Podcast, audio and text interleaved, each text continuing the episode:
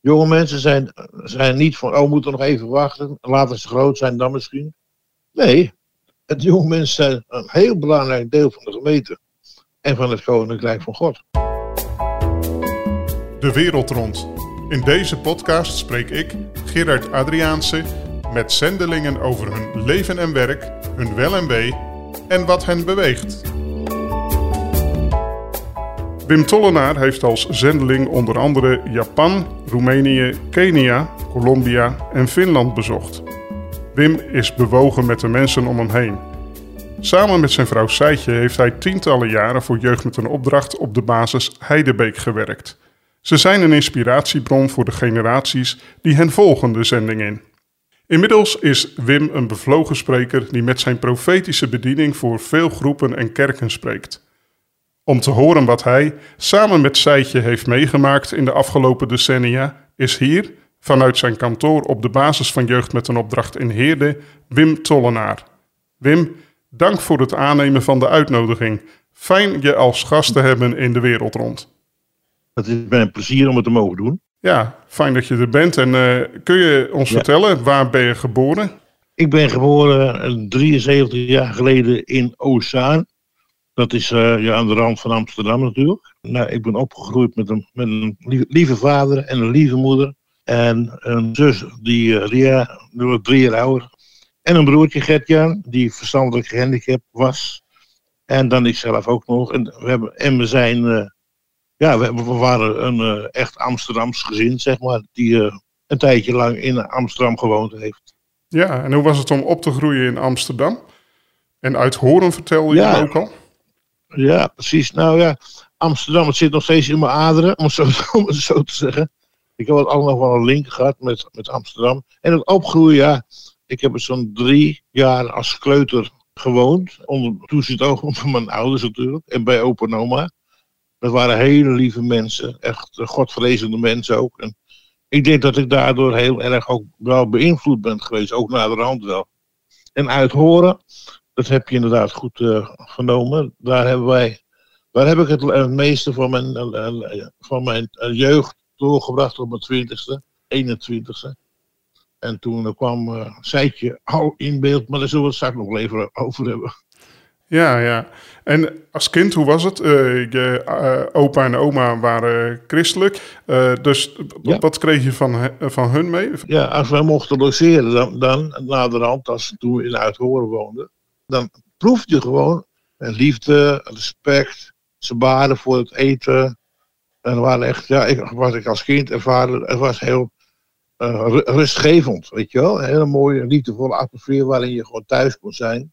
En waar je je veilig voelde. Misschien nog niet bewust meegekregen, maar on, onder de, onderbewust, zeg maar, nam ik dat helemaal mee naar, ook naar het horen toe, waar we woonden. En ik denk dat zij echt de, ja, degene zijn geweest die al biddend achter ons gestaan hebben, ook achter het gezin Tollenaar natuurlijk. Ja. En niet, niet zonder vrucht. Mooi, mooi. En als kind, waar ging je belangstelling ja. naar uit? Heb je dingen die je later in je leven zei van, nou, dat, eigenlijk, dat zie ik al vanuit mijn jeugd? Ja, eh, nou, ik zal allereerst schiet dan in mijn gedachten ook dat mijn broertje, die verstandelijk gehandicapt was, vijf jaar jonger, daar is heel veel van mijn tijd, mijn jeugd in opgesoupeerd, om het zo te zeggen. Ik ervaarde gewoon een stuk ja, extra, meer belangstelling voor hem.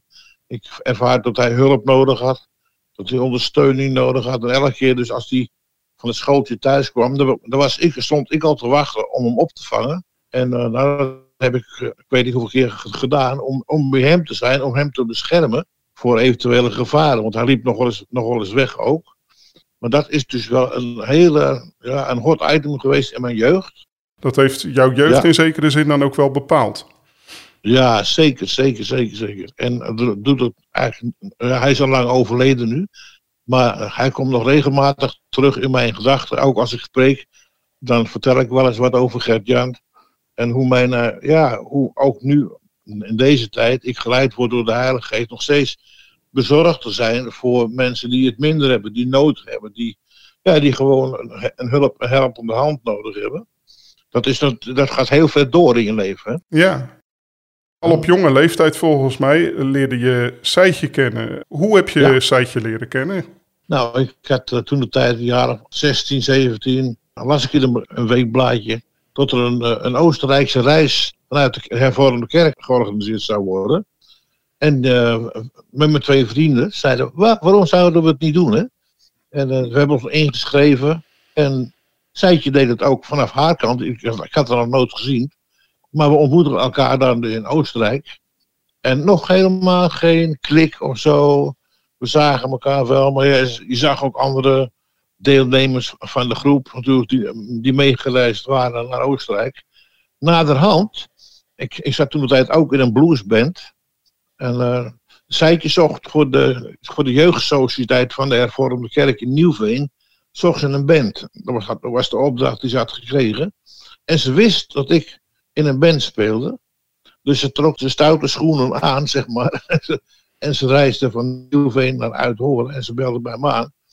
En uh, nou, ik binnengelaten natuurlijk. En zo is ons eerste contact eigenlijk daar geweest in de persoonlijke sfeer, zeg maar. En ik, ben er ook op ingegaan. En we hebben daar met de band heerlijk gespeeld voor de jonge mensen van de kerk in Nieuwveen. Uh, maar daarna was het, uh, ja, het, het, bleef nog wat sudderen. Maar op een gegeven moment heb ik op een avond gezegd uh, tegen mijn moeder: zeg, Moe, nu ga ik naar het meisje toe wat mijn vrouw gaat worden. En ik was er zo van overtuigd ook. En dat was Seitje. Dus ik pakte de Zundap, de brommer, en ik reed naar Nieuwveen toe. En uh, ja hoor, ze woonde in de boerderij. Ze waren aan het eten en ik keek door het raam. En ik denk, oh, even, even wachten, niet te snel. en toen ben ik even op een paaltje gezeten. Maar ze kwam notabene het huis uit. Ze ging naar de verjaardag toe. En ik sprak haar aan. Hey, zei ik kwam even naar je toe, eventjes, even kletsen. Ze, ze zegt, ik ga naar een verjaardag. Oh, ik zeg, zal ik meegaan? nou, dat is toen zo gebeurd. Ik ben meegegaan naar de verjaardag. En zo lieverlee is dat toch dan gaan groeien. Het was niet zozeer liefde op het eerste gezicht, maar wel een hele overwogen keuze, toch wel in mijn hart. Want dit is de vrouw, het meisje wat mijn vrouw gaat worden. Ja, mooi, mooi. En in je dagelijks leven voor je zendeling was, wat was je beroep of waar hield je je mee bezig in het dagelijks leven? Ja, nou, ik, uh, ik heb veel in het metaal gezeten. Constructiearbeider, wasser, onderhoudsmonteur bij de Unilever. Op een assemblagelijn te staan waar ze veegmachines bouwden. En uh, daar was ik voorman voor elf jaar. Maar het was ook, ik had prima werk. Ik had een goede baan. Het was ook geen vlucht dat ik daar weg moest of zo. Maar op een gegeven moment, ja, het, uh, de Heer begon behoorlijk te kloppen. Maar dat is natuurlijk nadat ik een hele bekeringsverhaal meegemaakt heb. Ja, ja, ja. Dat is een, dat is een, een, een verhaal op zichzelf natuurlijk. Ja, want dat heb ik ook wel, uh, dat heb ik ook wel eigenlijk uh, een vraag die ik je wil stellen. Is ook van, van ja. hoe dat gegaan is. Hoe, hoe heb je Jezus leren kennen, Wim?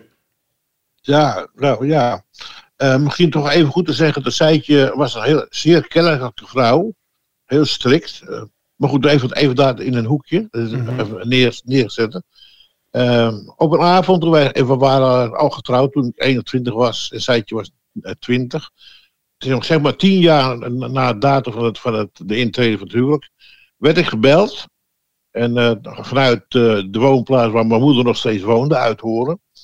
En er was iemand aan de lijn die zegt: Wim, kom zo spoedig mogelijk naar Uithoren, toen naar het politiebureau. Want we hebben je broer moeten inrekenen.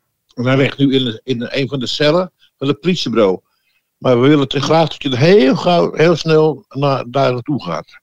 Mijn moeder en, en Gertjan liepen voorbij het politiebureau. En mijn moeder wilde naar een verjaardag toe van een van haar kennissen.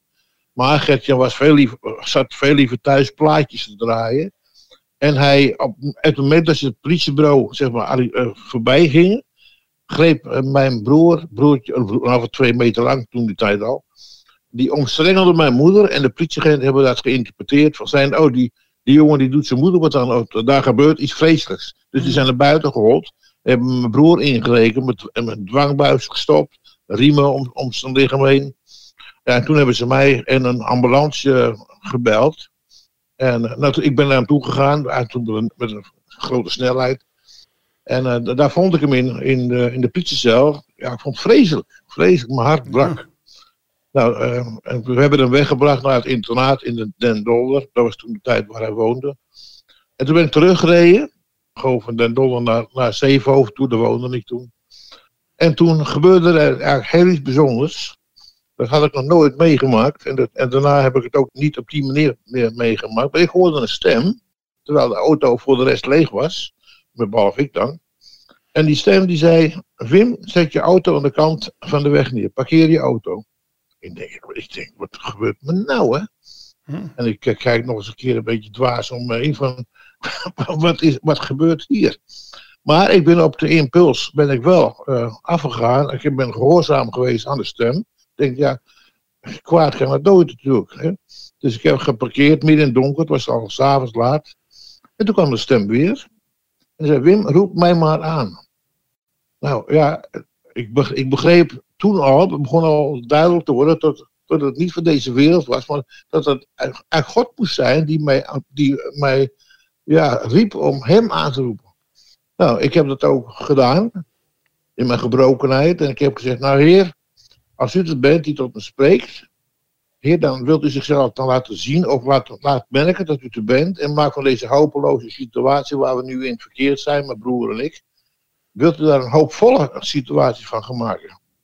Ik had het nog niet uitgesproken, of de geest van God, wat ik dan later ook begreep, die is naar me toegekomen. Hij heeft me van top tot teen helemaal vervuld met liefde, met hoop, met geloof. En ik wist honderd, ik weet, dat ook nooit meer weggegaan, 100% Jezus leeft. Hij is, hij is daar. Hij laat me niet in de steek. Hij is het antwoord. Hij, het is niet alleen een kerkelijk verhaal of zo. Want ik was wel met Zeike tien jaar mee naar de kerk geweest. Maar toen begon het, ja, toen begon, het leven kwam erin. Ja, zo ben ik naar huis gereden. Ja, in een hele andere ja, hoedanigheid, gezindheid.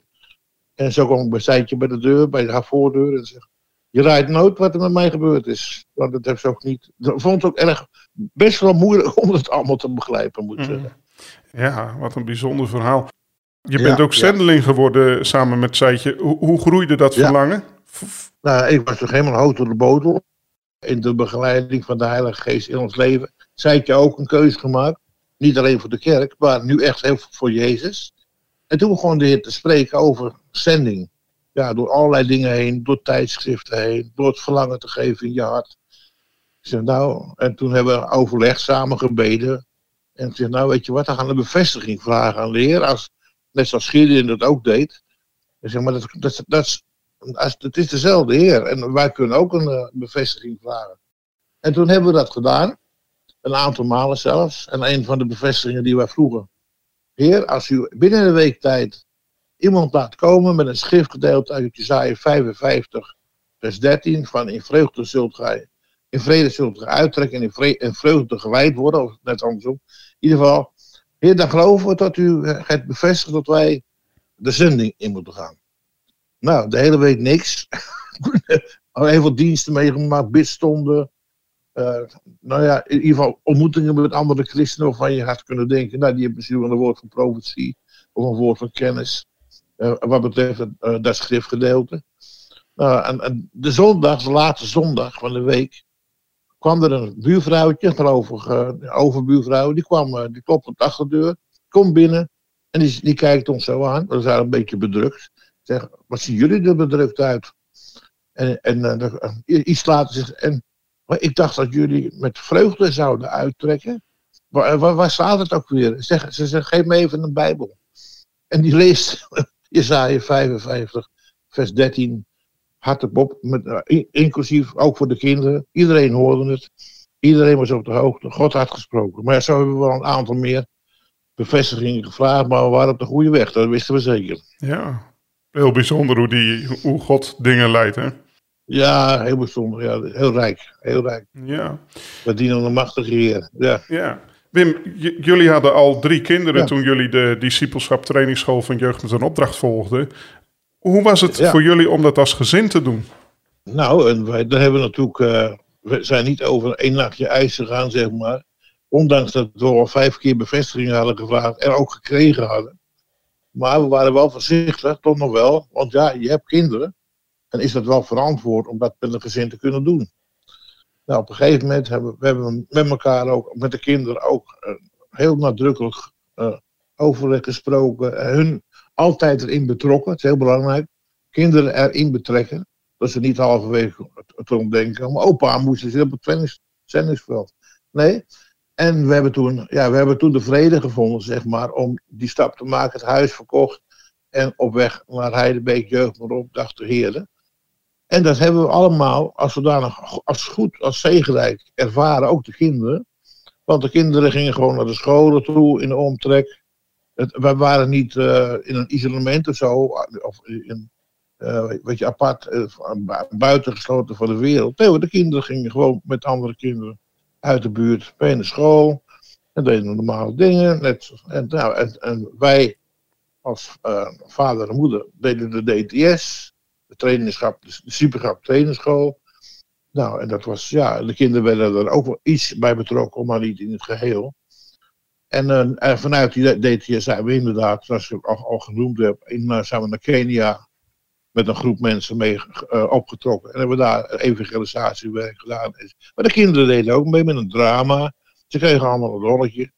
En het was zo prachtig. Ja. Weet je wel? En we, we, gingen gelijk op. Niemand bleef achter. Ze werden allemaal gezegeld. Ja, mooi. Je zegt al van, uh, ja, als je zoiets doet uh, als gezin, is het heel belangrijk om de kinderen erin te betrekken. Welk advies zou je verder nog willen geven aan mensen die God willen dienen in de zending en toch nog kinderen hebben die jong zijn? Wat voor advies zou je ze verder nog nou, kunnen geven? Ja, ik zou zeggen, doe niks dwangmatig, forceer niks, let goed op hoe de kinderen reageren ten opzichte van de boodschap die je, waar wellicht je zelf vol van bent, maar waar hun nog niet naartoe zijn. Wacht als je moet wachten. Wij hebben ook een geruime tijd toch nog gewacht om, om die grote stap te maken, om het huis te verkopen enzovoort.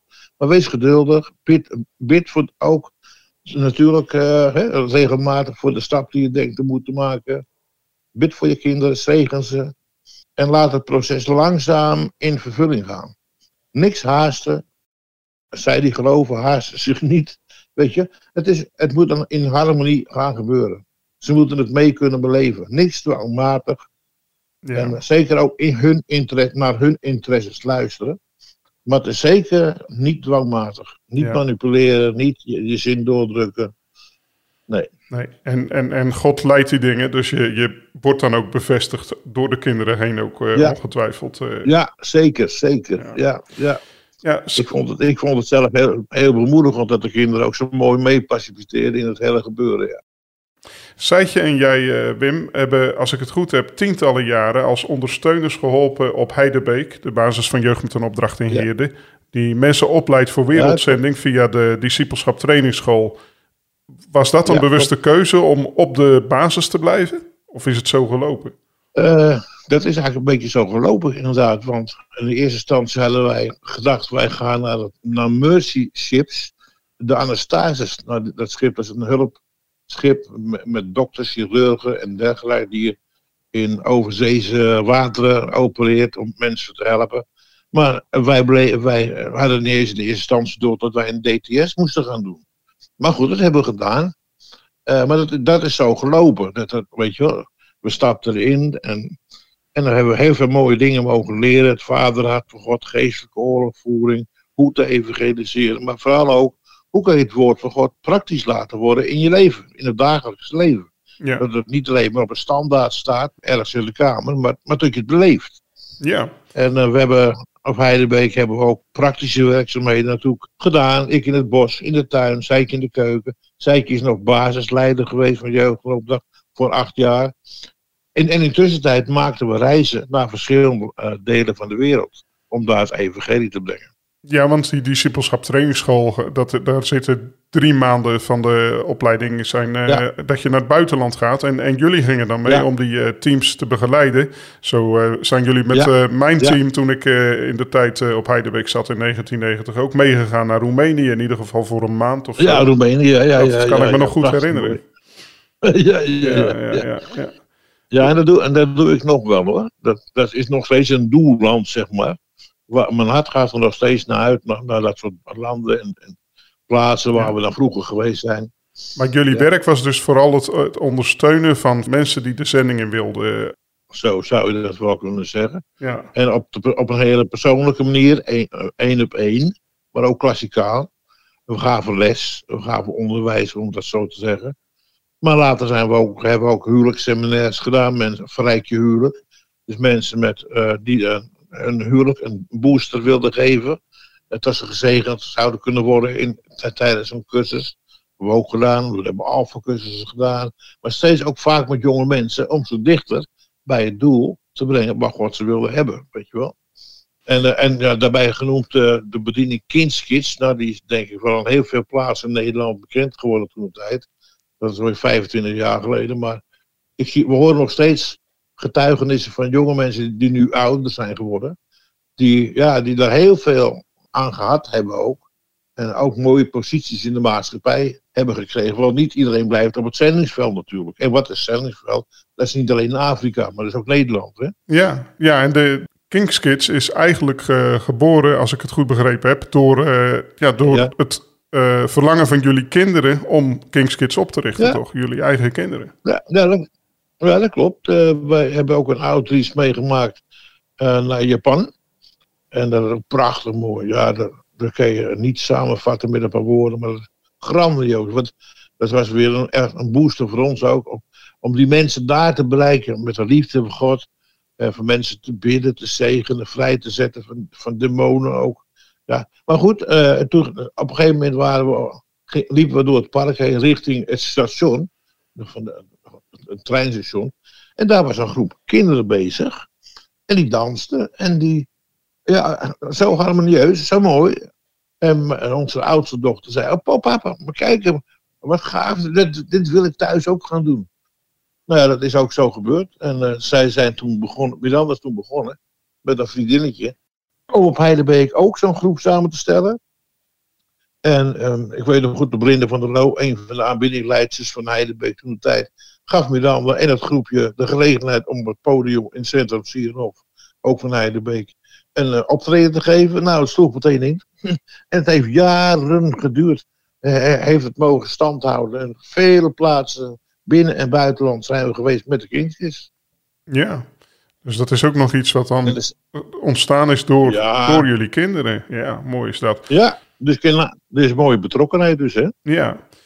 Bim, wat maakt het opleiden en ja. begeleiden van, van vooral jonge mensen voor de zending wereldwijd zo bijzonder?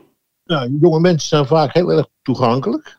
Er gaan ook wel stemmen op, ja, je kunt niks doen met die jeugd, die, die zijn toch al verloren. Nou, het tegenovergestelde ervaar ik in mijn leven. Dat jonge mensen vaak erg toegankelijk zijn om het leven van de geest van God te mogen ervaren en daar ook iets mee te mogen doen. Dat zij ook een deel zijn van het grote gebeuren, het koninkrijk van God. En dat, hebben, dat vindt nog steeds plaats op Heidebeek en heel veel andere plaatsen in de wereld. Ze worden bekwaam gemaakt door de geest van God, door goede onderwijzers, door, ja, door allerlei gebeurtenissen die er dan plaats kunnen vinden. En die mensen groeien in hun identiteit, hun, waarde wordt vermeerderd. Want het is heel erg belangrijk. Heel veel jonge mensen weten ook niet. En zijn nooit bevestigd vroeger. En uh, nou, dat, dat, halen ze dan hier, uh, als, zoals Heidebeek, andere locaties. Worden ze bevestigd als een zoon, een dochter van God. Mooie rijkdommen die vanuit het woord naar hen toe komen. Ze hebben elkaar ook als groep. Dus hele mooie relaties ontstaan er ook uit. Zelfs huwelijken nagaan. Ja. Dat die kinderen later bij elkaar komen en elkaar ten huwelijk vragen enzovoort. Maar het is zo belangrijk, want het is niet de kerk van, van morgen, het is de kerk van nu. Jonge mensen zijn, zijn niet van, oh, we moeten nog even wachten, later ze groot zijn dan misschien. Nee, het jonge mensen zijn een heel belangrijk deel van de gemeente en van het koninkrijk van God. En als je ze de, de ruimte geeft ook, daarin bevestigt ook, zul je prachtige dingen in je gemeente meemaken en jaloers worden, zelfs op jonge mensen die zo vrijelijk omgaan in, in het leven met God, met de Heilige Geest. Ja. En mensen zegenen. Ja. Want ook de gaven van de Heilige Geest uh, zijn bij hun hoor. Zeker weten. Bim, wat, wat heb je persoonlijk als, als lastig ervaren als zendeling? Nou, in het begin heb je, heb je, voel je geen lasten. Dat, dat, is geen, dat is geen punt dan. Later, halverwege, heb ik het wel eens vervelend gevonden het altijd in de communiteit leven. Omdat er natuurlijk hele mooie dingen gebeuren.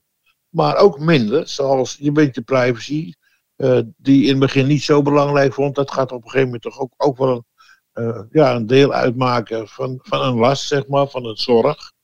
Je, wilt, je trekt je ietsje meer terug. Uh, dat sluipt er langzaam in. Op een gegeven moment ben je een beetje vol van de sociale controle ook die er is. Dan komt nog een punt bij. Het is natuurlijk heel mooi dat de jonge mensen vanaf buiten naar binnen komen. Elke keer, vier keer per jaar, meen ik. En dan komen ze. En dan zijn ze hier op de basis zo'n drie maanden ook. En uh, nou, dan, dan, zijn ze net een beetje gewend. En wij een beetje aan hun. Dan gaan ze weer. Je kunt dus geen lange termijn relaties leggen. Alleen met een hele vaste kerngroep van mensen die bij de beek wonen. Maar je, je raakt een beetje uit de relatie wat betreft het, het opnieuw leggen van relaties binnen in de communiteit. Weet je wel? Dat vond ik wel moeilijk. Ja. Welke ervaring in de tientallen jaren die jullie op de basis van Heidebeek hebben doorgebracht, Wim, heeft je in het bijzonder gevormd? Bijzonder heb ik altijd gevonden het persoonlijke contact met mensen. Uh, dus daar ging mijn hart altijd naar uit. Ik, ik wijd het ook aan, positief aan de omgang met de beleving, de relatie met mijn broertje van vroeger. Die bewogenheid is gebleven, toen in het vlees, maar nu in de geest. En voor Lieverlee is daar ook een soort van profetische bediening uit voortgekomen. Want uh, ja, wat is het niet heerlijk om uh, mensen, zoals de 2 Korinthe 2 ook zegt, dat we een levensgeur, een aangename geur van leven mogen zijn, omdat we Jezus kennen. Maar daaruit voortkomen ook woorden die vanuit jouw hart, die ja, gedrenkt is in de liefde van God, dat we dat mogen uitspreken naar het hart van die ander, zodat die persoon er heling, genezing door ontvangt, of bemoediging, bevestiging, of een stukje besturing, weet je wel, richtinggevend, correctie. Uh, en dat is, dat is mijn lust en mijn leven. En, nu ik uh, nu weer zeven jaar buiten Heidelbeek woon met Seitje, keert het weer met heftigheid terug. Want ik, loop, ik heb opnieuw besloten, zeg maar, om, om gewoon hier in het dorp, een waar ik maar kom, uh, gewoon mensen te willen ontmoeten die, die ik eerst observeer met liefde, observeer, en dan ja, die mensen gaan bemoedigen. Ik heb ook wel mensen tegengekomen uh, echtparen bijvoorbeeld, dat is een aantal malen gebeurd, was ik op een kringavond. En dan gaat meer een profetisch woord tegen voor dat echtpaar van, hé, hey, uh, ik ervaar dat jullie nog een, een, derde kind mogen verwachten. Nou, negen maanden later hebben ze, krijgen ze een mooi, een mooi jongetje. Weet je, zijn profetisch denken en handelen is zo krachtig. En het, daar hoef je niet mee van hoog van de toren te blazen, want alle gaven van de Heilige Geest zijn hetzelfde aan waarde. Maar het is zoiets moois om vreugde en blijdschap en vervulling te mogen zien bij de ander. Je vrouw Seitje en jij zijn zeker tegenwoordig, Wim, vooral in Nederland actief. Wat houdt jullie werk in nu jullie uh, gepensioneerd zijn?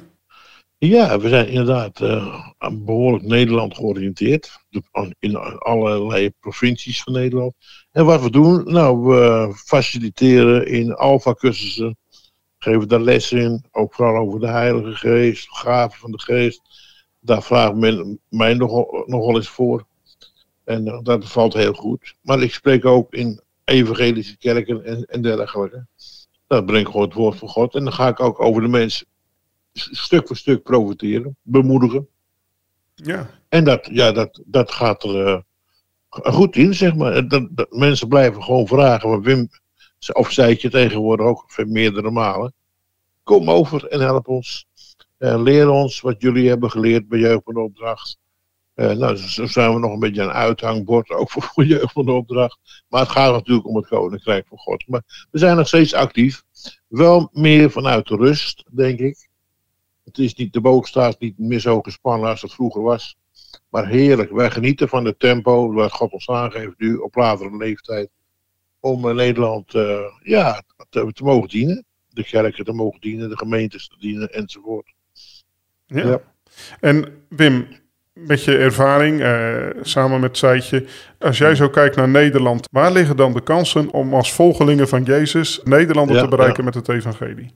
Ja, ik denk toch vooral uh, oog te hebben voor de generatie die na ons is gekomen. De jonge mensen bereiken. Die zijn, wat ik al eerder gezegd heb, flexibel.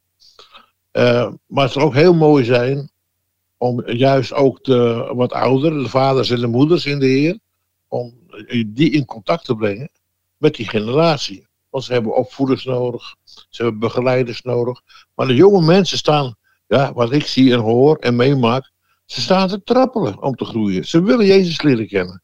Jezus is geen naam meer die naar klinkt of zo, waarvan je niet wil horen. Er zijn mensen met een open blik, open hart. En uh, dus ja, ik zou zeggen, richt je met veel passie en belangstelling op het leven van een jonge mens, om die op te bouwen in de, in de, in de wandel van, van, van de Heer. En daar liggen heel veel mogelijkheden en kansen. Er, ontstaan ook steeds weer nieuwe groepen jonge mensen, maar ook, oudere groepen, vooral maar die coronatijd, of in die coronatijd. Er, is toch iets nieuws ontstaan ook, waardoor mensen elkaar een grote behoefte hebben om elkaar weer op te zoeken. En dat gebeurt. Nou, en daar moet je, daar moet je gebruik van maken, weet je wel. Uh, daar infiltreren, zeg maar, om daar ook het woord van de Heer te kunnen delen. Of een bemoediging. En gewoon zijn.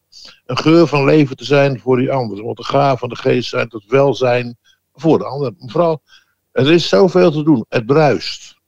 Ja, tot slot, want we moeten zo af gaan sluiten, Wim. Wat is je advies aan mensen die op zoek zijn naar het plan van God met hun leven? Nou ja, in ieder geval, eh, ja, God zoekt naar mensen die hard voorkomen naar, naar hem uitgaat om die krachtig bij te staan. Dus het, in de eerste instantie uh, heb je nodig dat je vol bent, van, nu al, dan van het leven van, van God zelf. Dat je gepassioneerd bent.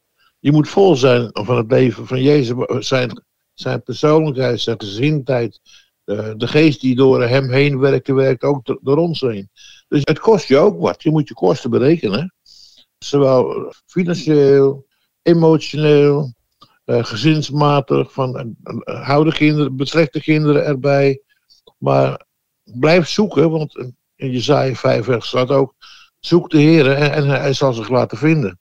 Ik geloof 100% zeker dat God wil spreken tot ieder mens via hart voorkomen naar hem uitgaat. En hij zal antwoorden op verschillende wijzen en mogelijkheden, zodat, zodat ze het allemaal kunnen verstaan. Dus niemand valt buiten de boot bij God.